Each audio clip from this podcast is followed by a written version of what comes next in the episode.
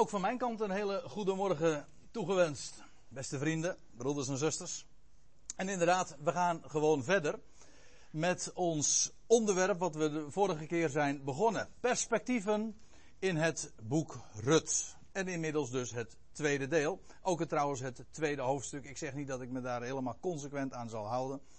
Maar in elk geval is het zo dat we vanavond, of vanmorgen de draad gaan oppakken. En dat is inderdaad bij het begin van hoofdstuk 2. Maar ik weet, er zijn er een heleboel nu weer die er de vorige keer niet waren.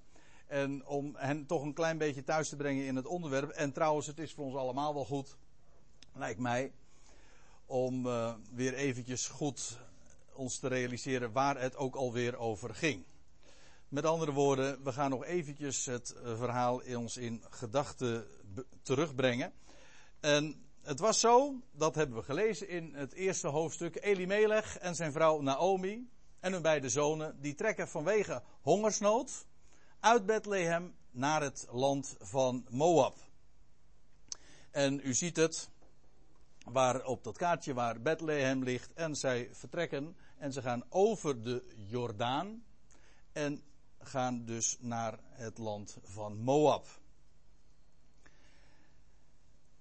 Hier ziet u een plaatje van de velden van Moab in de vruchtbare tijd. Hier is het een stuk groener dan dat het zo vaak is, uh, eruit ziet in uh, de woestijn van, van Judea. In ieder geval in die dagen, want ze gingen natuurlijk niet voor niks juist daar naartoe.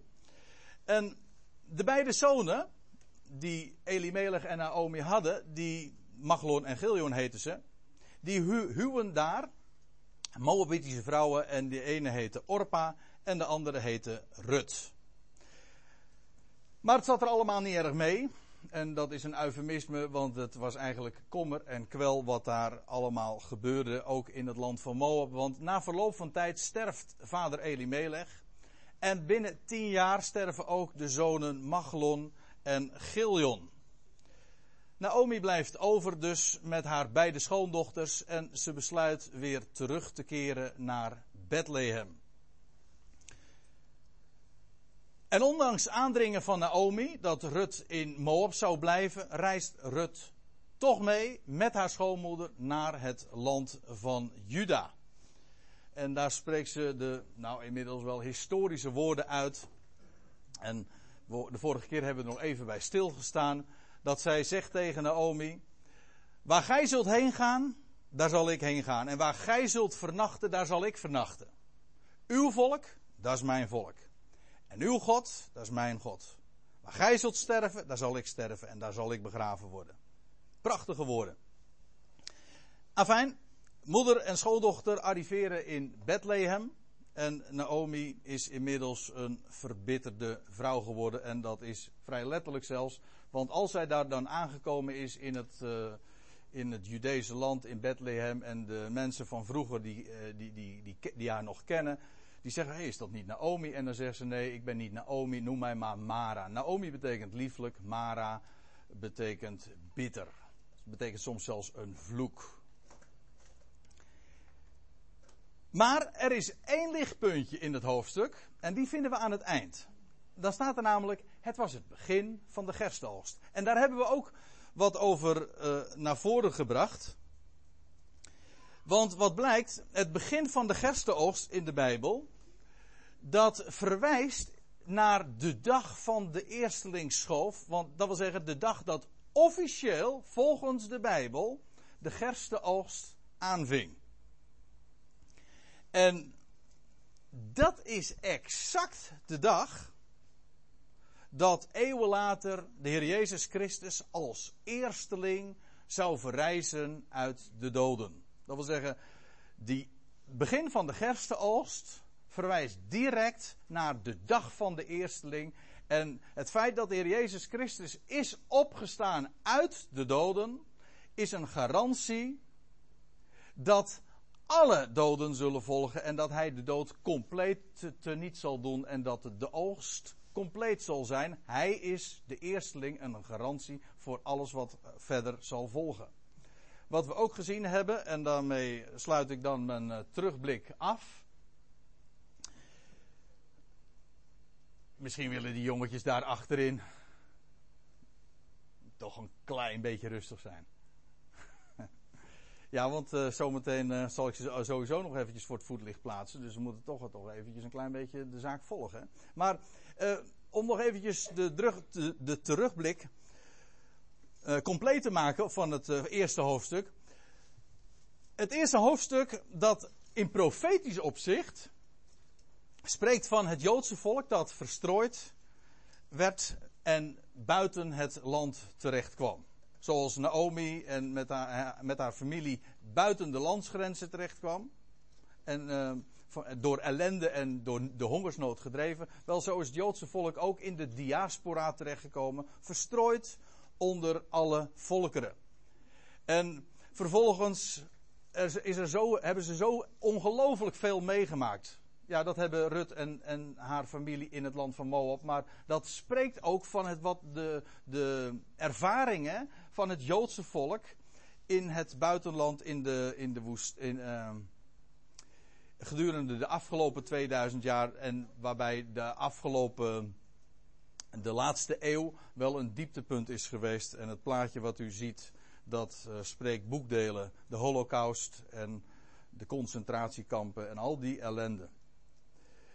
En wat we ook zien in Rut 1 is dat ze na al die ellende toch weer terugkeren naar het land der vaderen. En dat hebben we de vorige eeuw meegemaakt in 1948, de oprichting van de Joodse staat. Maar, moet ik erbij zeggen, tot op heden nog arm en nog steeds ook zonder losser.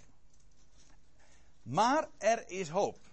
Want er is iemand die, die zich kandidaat stelt als losser. Hij is degene die garant ook staat voor de hoop. En daar wil ik van morgen uw aandacht eens voor vragen. En laten we dan meteen maar eens eventjes naar, bij vers 1 van Rut 2 beginnen.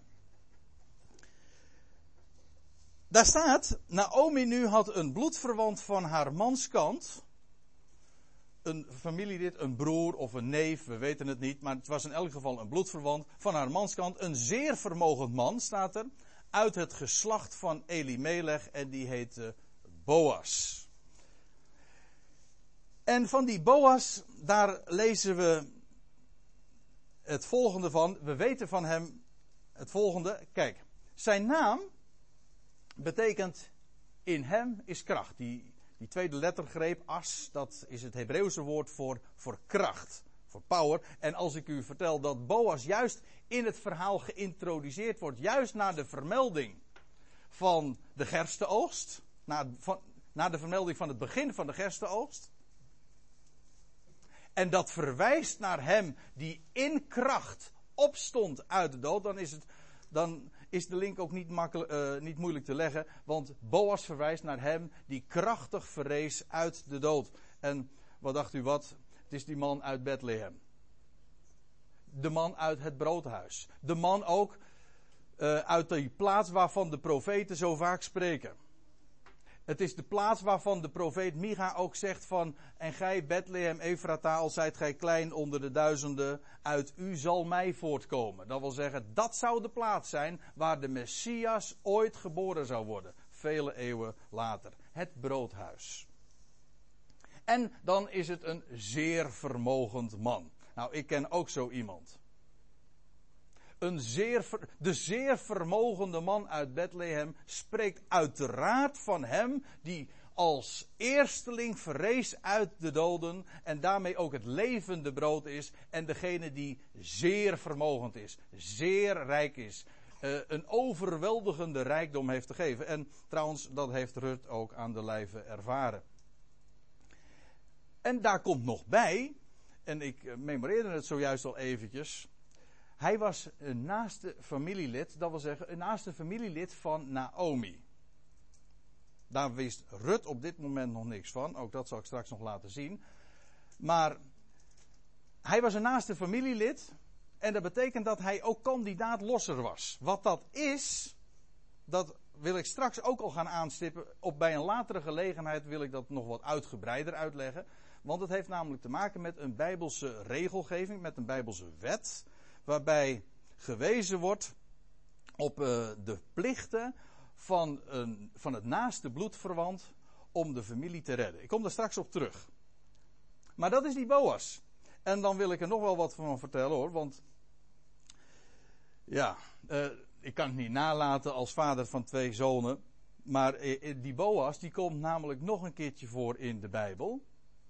En wel bij de, wat zeg ik, de achterkleinzoon, of is het alweer de achter-achterkleinkind van, van uh, Boas. Ja, ja, nee, het is de achterkleinzoon van, van Boas. Uh, die, Salomo namelijk, die liet een tempel bouwen in Jeruzalem. En in die tempel, of voor die tempel, voor het heiligdom, daar waren twee pilaren opgesteld. En de rechterpilaar heette Jagin. Juist. En de linkerpilaar heette Boas. En daar kom je die naam dus weer tegen. Ja, en ik zei al, uh, dat uh, doet mij denken aan, uh, aan deze twee jongetjes. die, ze stonden daar heel erg stil en ik zou wensen dat ze nu ook heel erg stil. ja. En voor de rest, we drukken op de knop en dan zijn ze weer verdwenen, weet je wel. ja, maar ik zal u vertellen, Boas en Jagin, uh, dat waren twee pilaren. De linkerpilaar, die heette Boas, die stond ook in het, naar het zuiden. De rechterpilaar, die stond uiteraard dan te, in het tegenovergestelde, namelijk naar het noorden toe. En de beide pilaren spreken aan de ene kant van de eerste komst van Christus en en aan de andere kant van de, de wederkomst van Christus. Dat is echt niet zo moeilijk hoor. Want links in de Bijbel heeft altijd te maken. Ik, ik kan er niet altijd diep op ingaan. Op mijn website trouwens heb ik een uitgebreid artikel erover staan. Dus als u dat nog eens een keertje wat uh, wil, uh, wil lezen, dan moet u dat maar eens een keertje opzoeken. Maar links in de Bijbel heeft altijd te maken met vernedering, met verlaten. Denk ook maar aan het Engelse woord voor links, left.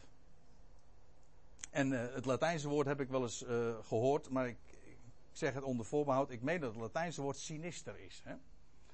Voor links. Maar links heeft inderdaad te maken met vernedering. Als je iemand links laat liggen, dan is dat niet positief. Links, ook in de politieke zin, heeft altijd te maken met eh, de, zich bekommeren om de achtergestelde. Terwijl rechts altijd te maken heeft met voorrang, hè? Met, met een positie van eer. De, die pilaar, uh, links, Boas, heeft te maken met de eerste komst van Christus. Toen hij kwam in vernedering. Maar ook toen hij opstond uit de doden vanuit de vernedering. En krachtig bleek te zijn. En dat, uh, dat die rijkdom aan het licht bracht. Dat, dat, dat grote vermogen, zeg maar. En vervolgens is het zo dat rechts, als hij straks zal komen. In zijn wederkomst, dan zal hij ook zijn koninkrijk vestigen. Want ik zal u vertellen dat de naam Jagin betekent hij zal vestigen. Hij zal zijn koninkrijk straks namelijk gaan vestigen in eer en heerlijkheid. En dan moet ik er ook nog bij zeggen dat het uh, inderdaad niet alleen maar staat voor links en rechts, maar ook nog voor zuid en noord. Zuiden heeft ook altijd te maken met vernedering. Je spreekt altijd over beneden in het zuiden en hoog in het noorden. Dat, was, met de, dat heeft te maken met de verhoging. En als u, het niet, uh, als u dat een beetje lastig vindt, moet u maar denken aan dat sterrenbeeld, het Zuiderkruis. Als je het zuidelijke halfrond hebt, dan heb je één sterrenbeeld dat er altijd heel erg uitspringt. Dat is het Zuiderkruis. Zuiden heeft te maken met de vernedering, met het kruis. Daarentegen heb je ook nog een sterrenbeeld dat heet de Noorderkroon. En dan heb je de connectie helemaal gelegd, want het zuiden heeft te maken met de vernedering. Het noorden heeft te maken met de kroon, met het koninkrijk en met de verhoging. En dat uh, loopt dus uh, parallel of het correspondeert met links en met rechts. Met de eerste komst van Christus en de tweede komst van Christus. En dat waren die twee pilaren die aan de weerszijde van de ingang van de tempel stonden. Ja, en dan wil ik er uh, ook nog eventjes op wijzen dat wat daar dus tussenin ligt, tussen die beide komsten, gaat de priester in en uit het heiligdom. Nou, dat is precies ook wat er tussen die die twee pilaren plaatsvond. Die, tussen die twee pilaren ging de priester in het heiligdom. En hij kwam er ook weer uit. En dat heeft te maken met wat er gebeurde na zijn vernedering. Nadat hij opstond uit de dood, is hij ingegaan in het hemels heiligdom. En hij zal straks weer naar de aarde terugkeren. Aarde, rood, hè, vandaar dat, eh, de kleur van het pijltje. Uh, dat hij straks uit het hemels heiligdom zal komen om zijn koninkrijk te vestigen. Dat is ook Boas, dat is ook Jagin. Zodat u maar ziet dat de naam Boas uh, ook nog elders in de Bijbel uh, voorkomt. En ook in, in dat geval spreekt hij op een onmiskenbare wijze van die man die geweldig is van vermogen. De ware Boas, de man, de man uit Bethlehem. Als ik het zo zeg, dan uh, is het ook niet moeilijk om de connectie te leggen. We gaan even verder. Want dan lezen we in Rut 2, in het tweede vers. Dat er staat, en Rut de Moabitische zeide tot Naomi, laat mij toch in het veld gaan en van de aren oplezen, achterdien in wiens ogen ik genade zal vinden. Ik heb het expres even voorgelezen uit de Statenvertaling, want dan staat het er nog wat sterker, in wiens ogen ik genade zal vinden. Ik kom er straks nog even op terug. Het punt is, en dat vind ik nou wel heel erg leuk, hè, maar het is zo dat uh, dat woord aren oplezen, zeker in het Nederlands, zo grappig is. Want als je wil weten wat aren en brood betekent, dan word je al op een, uh, dan word je eigenlijk al op het goede been gezet door dat woordje oplezen. Kijk, oplezen is eigenlijk uh, in het Nederlands ook, het, het, het betekent eigenlijk verzamelen. Iemand die leest, die verzamelt. Ja, die verzamelt niet alleen letters, die verzamelt kennis daarmee. En het heeft te maken met woord ook. En dat is nou precies ook waar aren van spreken. Brood, of aren in het algemeen, of een graankorrel. Het is een beeld van het woord van God. En ach, wat moet ik daarover zeggen? Ik bedoel, dat is toch vrij bekend. Je hoeft helemaal niet zoveel verstand te hebben van bijbelse symboliek. Om dat toch wel te weten dat brood en aren, want ja, per slotverrekening, daar wordt brood van gemaakt. Daar, uh, brood spreekt van het woord van God. Er, er, staat geschreven, de Heer Jezus zegt dat in de, in de woestijn als hij verzocht wordt door de Satan, dan lees je dat hij zegt van er staat geschreven. Dat is trouwens iedere keer zijn antwoord. Hè? Iedere keer als hij misleid dreigt te worden, of in ieder geval als hij, uh, als hem allerlei verzoeken gedaan worden, dan zegt hij, hij iedere keer, dat is zijn antwoord, er staat geschreven. Want dat is het enige solide antwoord. Er staat geschreven niet alleen van brood zal de mens leven, maar van alle woord dat de mond Gods uitgaat. En die link is zo leuk. Want brood, ja, een mens leeft van brood. Een mens heeft brood nodig. Hm? Zo zeggen we dat ook. Want daar leeft een mens van. Ja, zegt de Heer, dat is wel zo. Maar dat is zo omdat brood een beeld is van het woord van God. En als het er nou helemaal om gaat. Een mens leeft pas. En pas echt. Door het woord van God. En van dat, van dat woord kan een mens inderdaad, uh, in, in de geestelijke zin leeft hij. En ik wil u dan op nog een schriftplaats wijzen. In Johannes 12, vers 24. Daar staat. Daar zegt de Heer Jezus. Want u zegt van kijk, het woord van God. Uh, dat is de Bijbel. Dat zijn de schriften. Maar dat is wel zo. Maar uiteindelijk en in diepste zin is het iemand. Namelijk diegene waarvan het woord spreekt. En uit wie het woord ook voortkomt. De heer Jezus zegt ergens in de Evangelie, in Johannes 12, vers 24, kunt u dat lezen. Voorwaar, voorwaar, ik zeg u, indien de graankorrel niet in de aarde valt en sterft, blijft zij op zichzelf. Maar indien zij sterft, brengt zij veel vrucht voort. Ook daar weer het universele principe.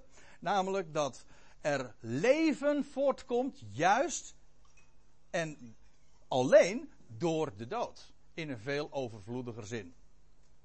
Dus de graankorrel sterft en valt in de aarde. En uiteraard is die graankorrel een beeld van hem die trouwens ook het woord van God heet.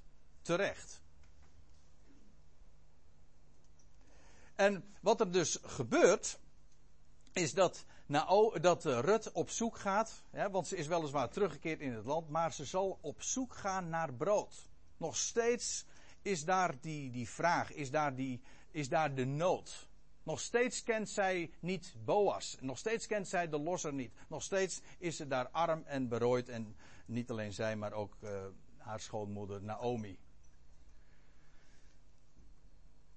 En waar het een beeld van is, ik zal dat straks ook in de samenvatting nog wel eventjes kort aanstippen. Waar het een beeld van is, is dat de, dat deze, deze Joodse familie spreekt van, van het volk van Israël, dat weliswaar teruggekeerd is in het land, maar ze zal gaan zoeken naar, ja, naar brood, naar echt leven.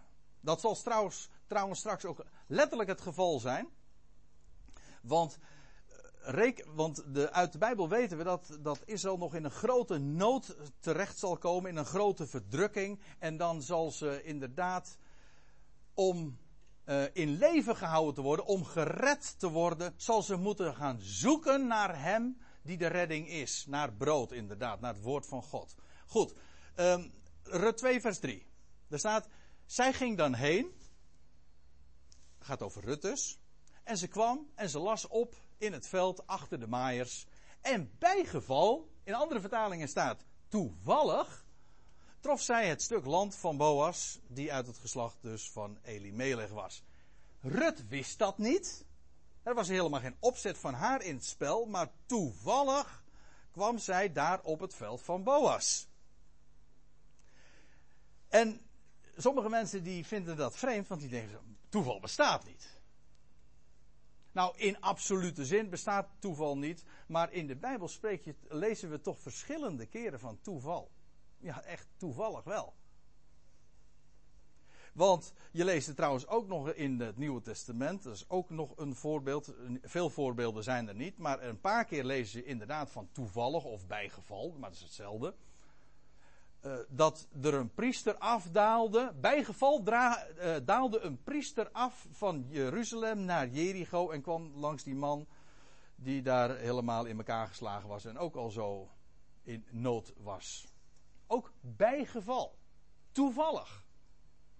En je zou je natuurlijk de vraag kunnen stellen: bestaat toeval? Jawel, toeval bestaat wel. Als je je maar realiseert dat er iemand is die het je doet toevallen.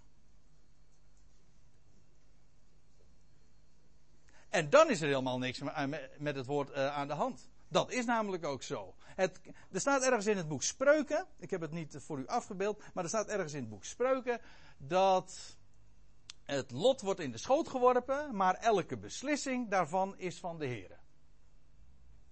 Kijk, een mens heeft geen, geen, geen invloed op het, op het lot. En dat bedoel ik ook in de letterlijke zin het lot. Je gooit een dobbelsteen, daar heb je helemaal geen invloed op. Als je het eerlijk doet, niet tenminste. Nee, en daarom is het ook zo dat als je dobbelt, je geeft het eigenlijk over aan God. In de Bijbel is het ook daarom, een, een, bij gewichtige gelegenheden wordt er een dobbelsteen geworpen. Je leest het ook in geval bij de keuze van Matthias en nu, eh, hoe heet die ander? Help me even.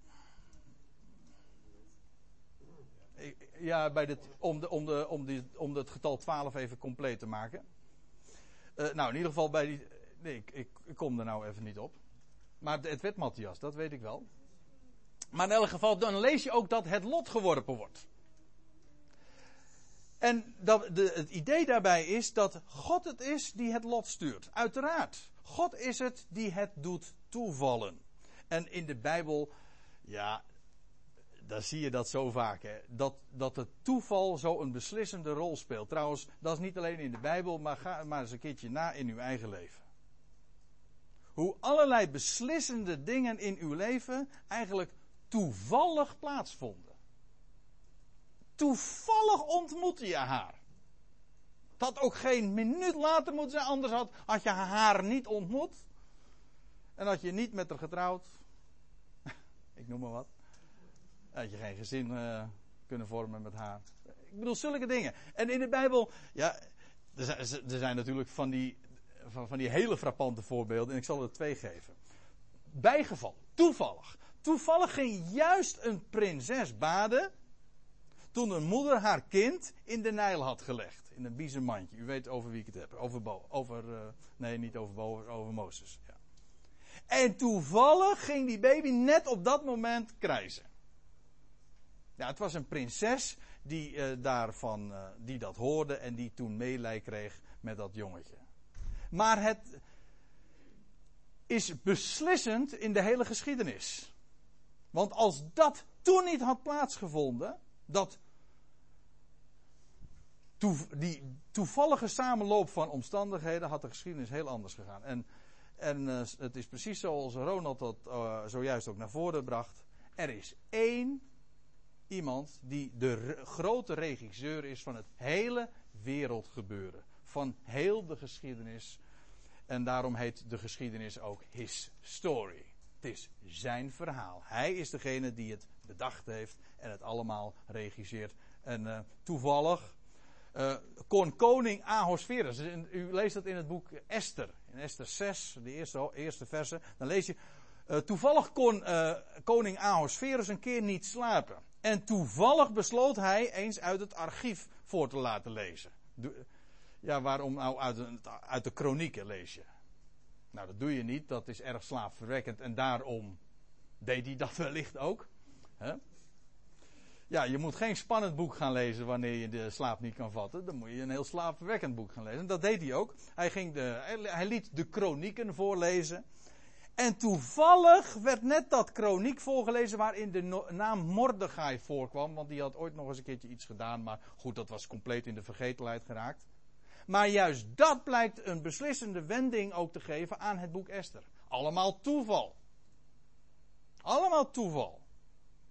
Maar het is God die het doet toevallen, God die het regisseert en God die het lot bestuurt. En ik las ooit een keertje een poster en dat, die zag er zo uit. Van Visje. Toeval is God incognito. Incognito is een beetje een moeilijk woord, maar het betekent onherkenbaar, hè? verborgen.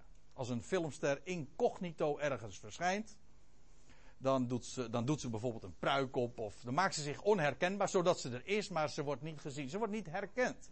Wel, God, toeval is God incognito. Je herkent hem niet. Je zegt het is wat een toeval. Ja, maar het is in wezen God die het allemaal regisseert natuurlijk. En daar ben ik erg blij mee, want dat betekent namelijk dat alles in goede handen is en dat betekent dat er ook niets voor niets gebeurt. Er gebeurt nooit iets voor niets. Al hebben we er geen notie van, maar er, eh, er, er is inderdaad niets wat uh, zomaar plaatsvindt. Er is iemand die het allemaal bedacht heeft en geregisseerd heeft. Goed, we lezen verder. En ik ga nu niet vers voor vers door hoofdstuk 2, dat begrijpt u ook wel. Maar dan lees je nog in vers 10. Als Rut inmiddels Boas ontmoet heeft. En van hem ook uh, allerlei goeds krijgt. Want wat zegt zij? Toen viel zij op haar aangezicht, gaat over Rut dus. En zij boog zich ter aarde. En ze zeide tot hem: Waarom heb ik genade gevonden in uw ogen? Dat gij mij kent, daar ik een vreemde ben. U moet zich realiseren, Rut die kwam daar dus op het bijgeval op het land van Boas. En uh, het is Boas die dan ook zegt van, en als, hem ter, als hij uh, te horen krijgt wie dat is, van laat, uh, laat haar maar gewoon rustig begaan. En sterker nog, geef haar, laat, laat hij zegt dat als, een, als een commando aan zijn, zijn knechten, van laat gewoon maar ook wat expres liggen zodat zij voldoende heeft. En als ze dorst heeft, dan, dan mag ze gewoon water komen drinken en dan moeten jullie het voor haar opscheppen. Dus uh, Rut was helemaal daarover verbijsterd dat, ze, dat, dat, dat dit haar zo ten deel viel. Ja, ten deel, heb je het weer. Ten deel viel. Haar toeviel. Zij viel dus op haar aangezicht, ze boog zich eraan, ze zei tot hem, tot Boas, dus waarom heb ik genade gevonden in uw ogen dat gij mij kent, daar ik een vreemde ben. Ze kon daar ook helemaal nog geen op aanspraak op maken. Zo'n allochtoon. Ze was dus in feite rechteloos. Maar zij, ont, uh, zij vindt genade in zijn ogen. En juist de wijze waarop dat geformuleerd wordt, ook hier weer in de Statenvertaling. Dat is precies zoals het ook in het Hebreeuws staat. de wijze waarop het geformuleerd wordt, is zo veelzeggend. Dat wil zeggen, het laat ook zien dat er een dubbele laag in zit, dat er ook een diepere betekenis in zit, of zo u wilt, een hogere betekenis. Maar het spreekt uiteraard van, van wat er ook zal gaan gebeuren met, in de toekomst met het Joodse volk. Dan zal ze in aanraking komen, al lezende. Ze zal gaan zoeken, ze zal, ze zal ook de, de schriften gaan, zoeken, gaan onderzoeken. En ze zal terechtkomen op het veld van Boas. Ze zal terechtkomen bij hem. En ze zal genade vinden in zijn ogen. Bij de ware Boas heb ik het uiteraard over. Er staat een mooie tekst in Jeremia. Ik, ik zal hem eens laten zien. Jeremia 31, vers 2. En Jeremia 31, trouwens ook het voorgaande hoofdstuk, spreekt over, over de eindtijd, over, over Israël, over het Joodse volk dat weer teruggebracht is naar het land. Gewoon de situatie die wij momenteel al meemaken. Nadat het duizenden jaren lang in, onder in de verstrooiing heeft geleefd, heeft het min of meer het wonder plaatsgevonden dat ze weer teruggekeerd zijn naar het land. En daar zullen ze nog door een enorme verdrukking, door een moeilijke tijd, een dag van grote benauwdheid gaan. Dat lezen we in Jeremia 30, vers 6. Een dag van grote benauwdheid voor Jacob. Ja, maar, en dan lees je ook dat ze gebracht zal worden, een, een, een overblijfsel zal gebracht worden in de woestijn. En daarvan lezen we dit. Zo zegt de Heer. Het komt uit zijn mond voort. dat is brood. Hè? Het komt uit zijn mond voort. Het volk van de ontkomenen van het zwaard vond genade in de woestijn. Israël op weg naar zijn rust. Het staat in de verleden tijd, maar het gaat over de toekomst. Voor God maakt het namelijk geen enkel verschil. Het volk van de ontkomenden van het zwaard, dat wil zeggen, zij die ontkomen zijn aan het zwaard en aan die grote verdrukking. Een, in de Bijbel heet dat daarom ook een, een overblijfsel, een rest, dat wat overblijft. De ontkomenden van het zwaard, die zullen genade vinden in zijn ogen. Genade vinden in de ogen, inderdaad, van God, maar van God zoals hij zich uitdrukt. Gods woord. Hij die de uitdrukking is van God, de logos van God. Ze zullen genade vinden in zijn ogen, zoals Rut dat ook ooit ondervond. Ook hierin ziet u weer die, die profetische dimensie. En dan staat er in Rut 2. En nou sla ik weer een heel aantal versen over. Als Rut inmiddels teruggekeerd is, na een dag daar gewerkt te, hebben, daar op dat eh, land van Boas, nadat ze Aren gelezen heeft. En dan lees je.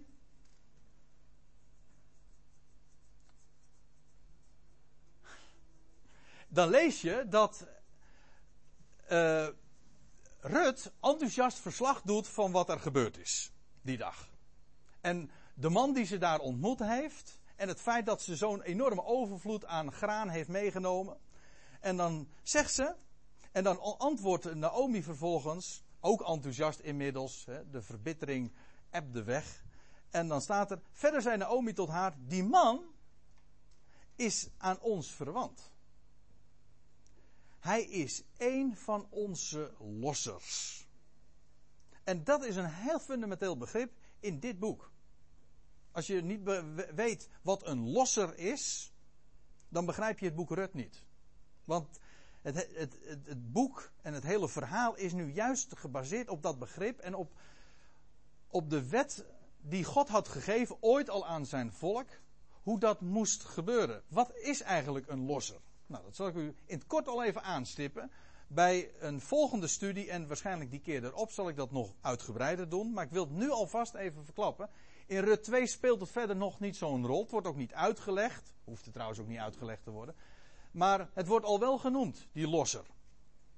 En het, Hebreeuwse woord daarvoor is een goel. Een losser, dat is, als je het een goede korte definitie ervan wilde geven, is dat is de naaste bloedverwant die in staat is zijn familie te redden. Dat is een goel. Dat is een losser. We komen dat vele malen tegen in de Bijbel. Wat betekent dat? Zijn familie redden? Nou, dat kan verschillende betekenissen hebben. Hij koopt los uit slavernij. Stel je voor, een, je familie, een familielid die is zo verarmd en die moet zich als slaaf verkopen.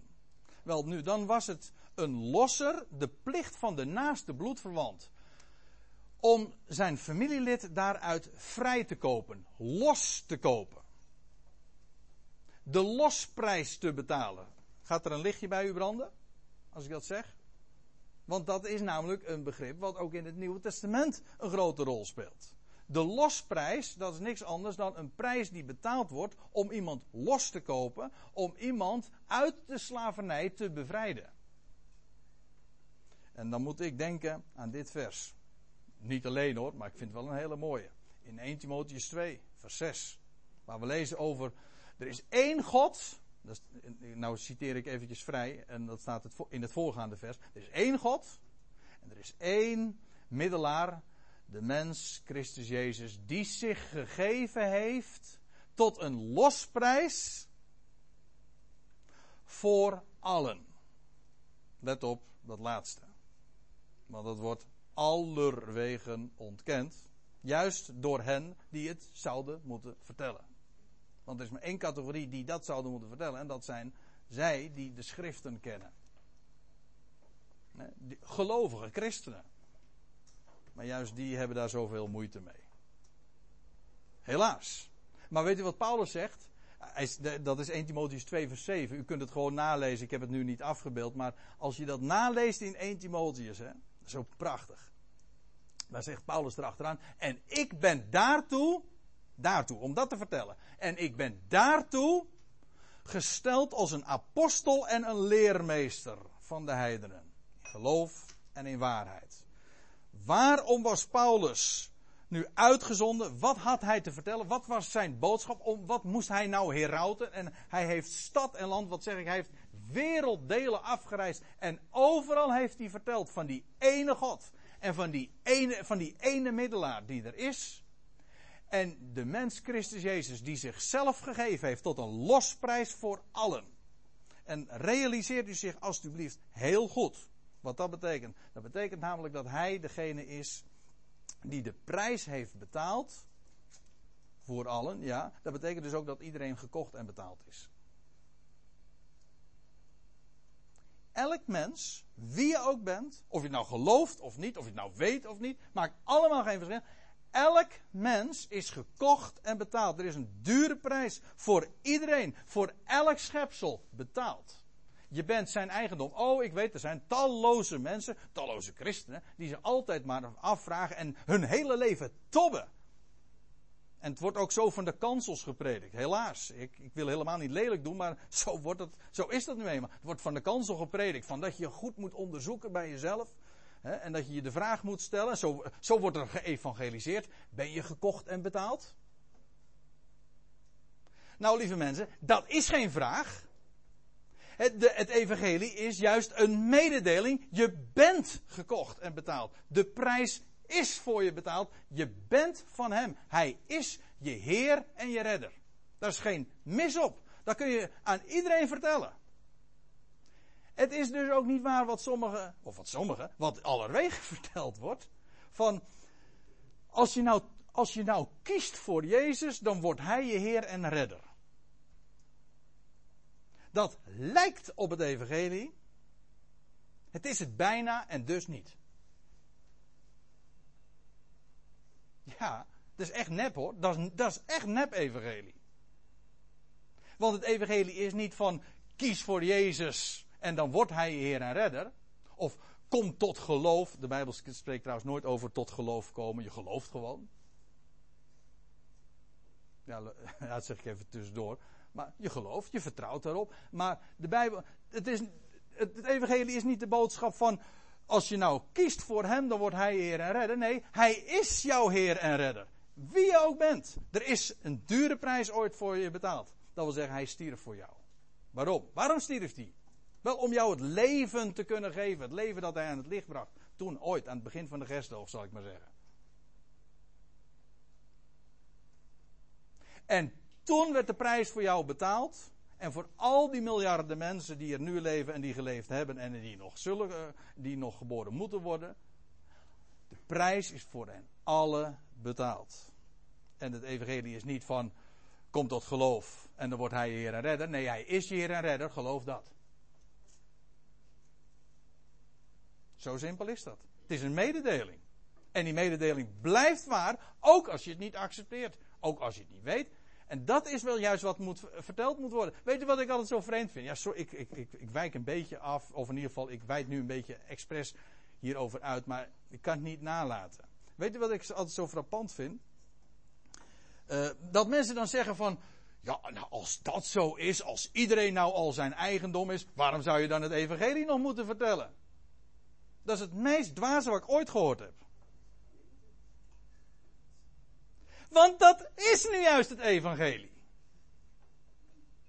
Het evangelie is juist de mededeling. Hij is jouw Heer en Redder.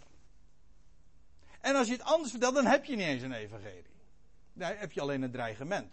Dan is aan de mens de finishing touch, weet je wel. Dan moet de mens, uiteindelijk redt de mens gewoon zichzelf, hoor. Daar komt het op neer. De, God heeft het dan mogelijk gemaakt om gered te worden, maar uiteindelijk ben jij degene die jezelf redt. Namelijk door, doordat jij actie onderneemt. Ziet u hoe het eigenlijk gewoon haak staat? Dat is gewoon weer werken. Is, de mens moet iets doen. Terwijl het evenredig is, God doet alles. Maar dan ook echt alles, hè? Niet via een achterdeurtje dat de mens toch weer wat zou moeten doen. Nee, God doet alles. En hij roept je, hij maakt je ook bekend met de boodschap. En dan roept hij je uit en dan verandert hij je hart en opent hij je ogen. Kortom, dan zegt u van ja, maar goed dan, wat heb ik dan nog? Nou, helemaal niks. Waar is het roemen dan? Het is uitgesloten, zegt de schrift. Het is uitgesloten. En ik ben daar erg blij mee hoor. Dit is echt, kijk, het grote verschil tussen evangelie en religie, ook christelijke religie, want ik zal u vertellen, het grootste gedeelte van wat zich, het, het, het ja, wat zich aandient als, uh, als evangelie, dat is geen evangelie, maar dat is religie. Waarbij de mens iets moet doen aan zijn redding. Waar hij moet kiezen. Nou, dat is in wezen. Of, en of, dat, of, dat nou, nou, of daar nou het labeltje christendom aan hangt, of islam, of boeddhisme, of weet ik veel wat. Dat maakt geen uh, enkel verschil. Ja, ik wilde wat anders zeggen, maar. Ja, ik kan het wel beetje zeggen hoor. Het maakt helemaal geen verschil. Mensen, eh, sterker nog, ik vind het eigenlijk erger wanneer daar het, een christelijk labeltje aan hangt. Dat is nog veel erger. Want je bij, als je christelijk leest, dan zou je nog mogen verwachten dat, dat je ook inderdaad gewezen wordt op Christus. Maar dat is juist niet zo. Dat is ernstig, maar het is echt zo. Maar wat er, de Bijbelse boodschap, en daar laat ik, laat ik het positief zeggen. De Bijbelse boodschap is dat de losprijs is betaald voor allen. En dat zou verteld worden. En als je het weet, en waarom zijn we geroepen? Ja, om, het inderdaad bekend te maken. Want ja, hoe zouden mensen het weten als ze het niet te horen krijgen? Zo is het ook nog eens een keer natuurlijk.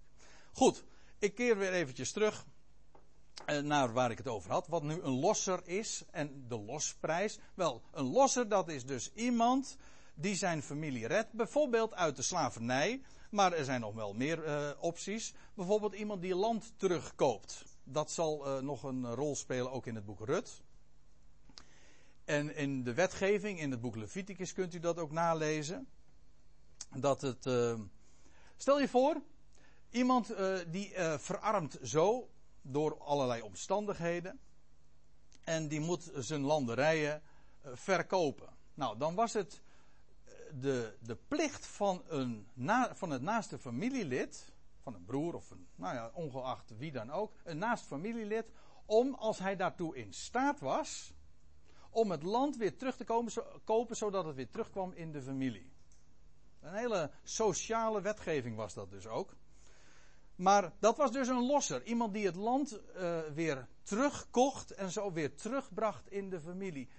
En ik zal u vertellen dat in al die opzichten dat eh, de Heer zelf, de Messias zelf, de ware Boas, zal ik maar zeggen, inderdaad voldoet aan die criteria. Dat wil zeggen, hij is degene die dat alles vervult. Want wat straks gaat gebeuren, is dat het land weer terug zal komen. Het land van Israël, het beloofde land, zal weer terugkomen naar, uh, bij de oorspronkelijke eigenaar.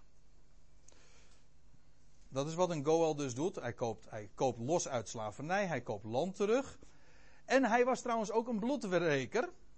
Zo wordt het ook heel vaak vertaald, eh, dat woord Goel, als een bloedwreker. Waarbij wreker helemaal niet een negatieve betekenis heeft. Integendeel, het heeft juist positief. Het is iemand die juist het recht weer herstelt. Dat is wat een bloedwreker is. Bijvoorbeeld als daar uh, sprake was van onrecht in de familie, dan was het juist ook de taak. Dan uh, moest niet de politie of zo, de regering ingeschakeld worden, maar dan was het de taak van de bloed, van de naaste familielid om het inderdaad het recht te herstellen. Dat is dus ook een, goel. Degene die het recht herstelt, en u begrijpt wel waar het uiteindelijk, hoe al die drie kenmerken van wat een, een losser, een goel nu eigenlijk is, hoe, al, hoe dat allemaal terugkomt en geconcentreerd wordt in hem die inderdaad terecht ook Goel heet. en dan wil ik tenslotte nog wat uh, terugblikken ook op dat tweede hoofdstuk. Want wat, we, wat ik gezegd heb over dat eerste hoofdstuk, over de profetische betekenis van Rut 1, kan ook gezegd worden van, van hoofdstuk 2. En, en ik zal u alvast verklappen, ook Rut 3 en 4. Het, het geheel is zo profetisch. Kijk, het is een verhaal uh, van wat er ooit heeft plaatsgevonden. Een geschiedenis, dus echt een, een waar gebeurd verhaal. Het vertelt over de oorsprong van het, koningshuis van David. Maar het blijkt dus in wezen, en dat is dat profetische perspectief waar Ronald het van, uh, van al eer, vanmorgen al eerder al over had. Het spreekt uiteraard van veel grootsere dingen. En dat is juist het wonderlijke van de schrift in het algemeen. Maar dat geldt van, van zo'n zo'n geschiedenis. Het is schitterend om het te lezen. En je begrijpt meteen ook al als je het leest van, oh, uh, dit, dit verhaal, dat, dat werpt ook licht op, op uh, hoe ooit de, het koningshuis van David ontstaan is. Waar liggen haar wortels? Dat is waar. Maar uit, uh, uiteraard spreekt het van, van hem die de zoon van David is en die inderdaad een nakomeling is van, van Boas. En het verhaal in zijn details spreekt inderdaad van de terugkeer van het Joodse volk. Nou, laat ik het anders zeggen van het, en laat ik dan eh, beperken tot het tweede hoofdstuk. Een teruggekeerd volk, Joods volk, uit het, uit land. Dat het spreekt van een, een teruggekeerd Joods volk dat brood nodig moet gaan zoeken. Ik heb expres deze woordspeling gemaakt. Want daaruit, uh, daarin zit namelijk het woordje nood. Maar er, het, daar zit ook het woordje brood dus in. En zij zullen, ze hebben brood nodig. Kijk, wat er gaat gebeuren met het Joodse volk is in het, Joods, eh, in, in het land Israël waarnaar ze het zijn teruggekeerd. Nog steeds arm, nog steeds berooid, nog steeds kennen ze de losser niet. Ze zullen in de verdrukking komen en uiteindelijk zullen ze schreeuwen om hem die redding kan geven.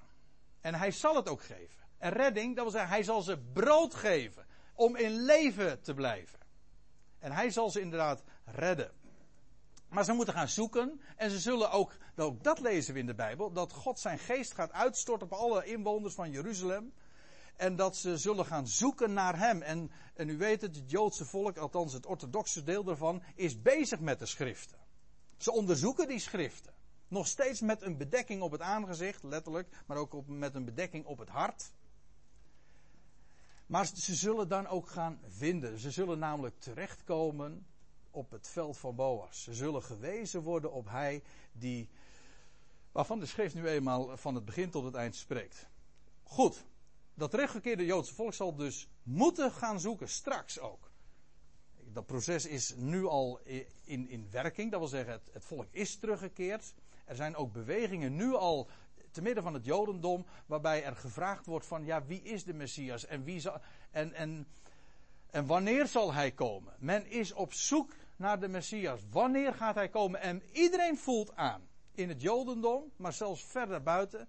Het, het, het, het is zelfs een, een, iets wat wereldwijd uh, leeft. Dat, dat besef van het moet gaan gebeuren. We leven in een, een, een tijd waarbij iedereen op zijn klompen haast aanvoelt van er gaan dingen gebeuren. We leven in een scharniertijd.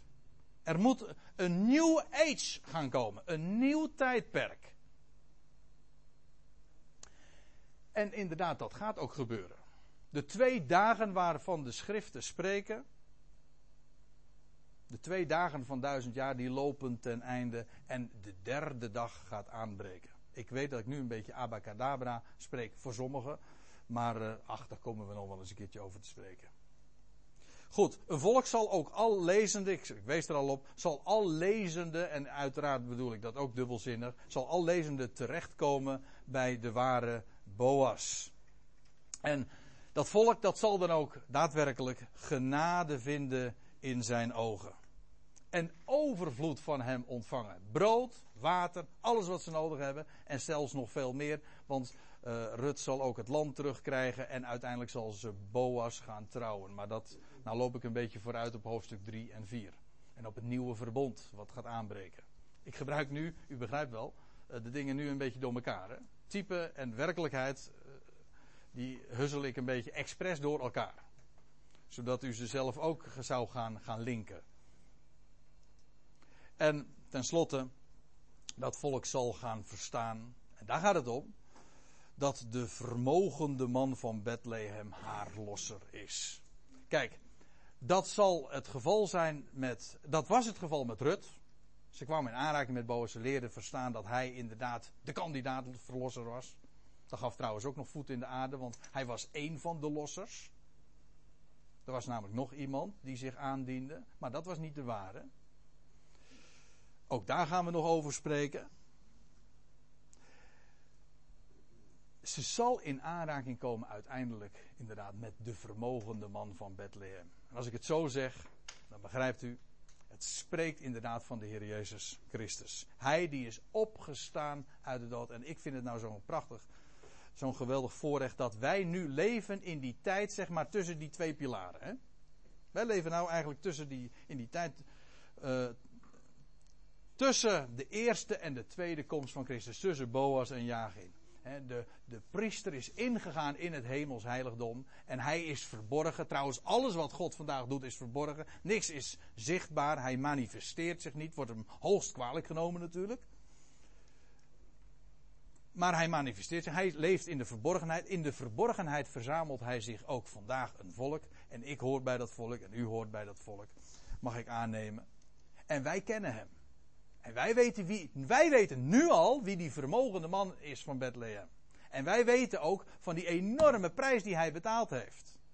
En wij kennen dat evangelie. Wij kennen hem die zich aandiende zo aan het begin van de gerste oogst. De opgestane, de verrezen Heer die nu in het hemels heiligdom is. En we wachten gewoon op het moment dat hij, dat zal binnenkort zijn trouwens, dat hij uit het heiligdom zal komen en zijn koninkrijk zal gaan vestigen. En daar wilde ik het vanmorgen bij laten.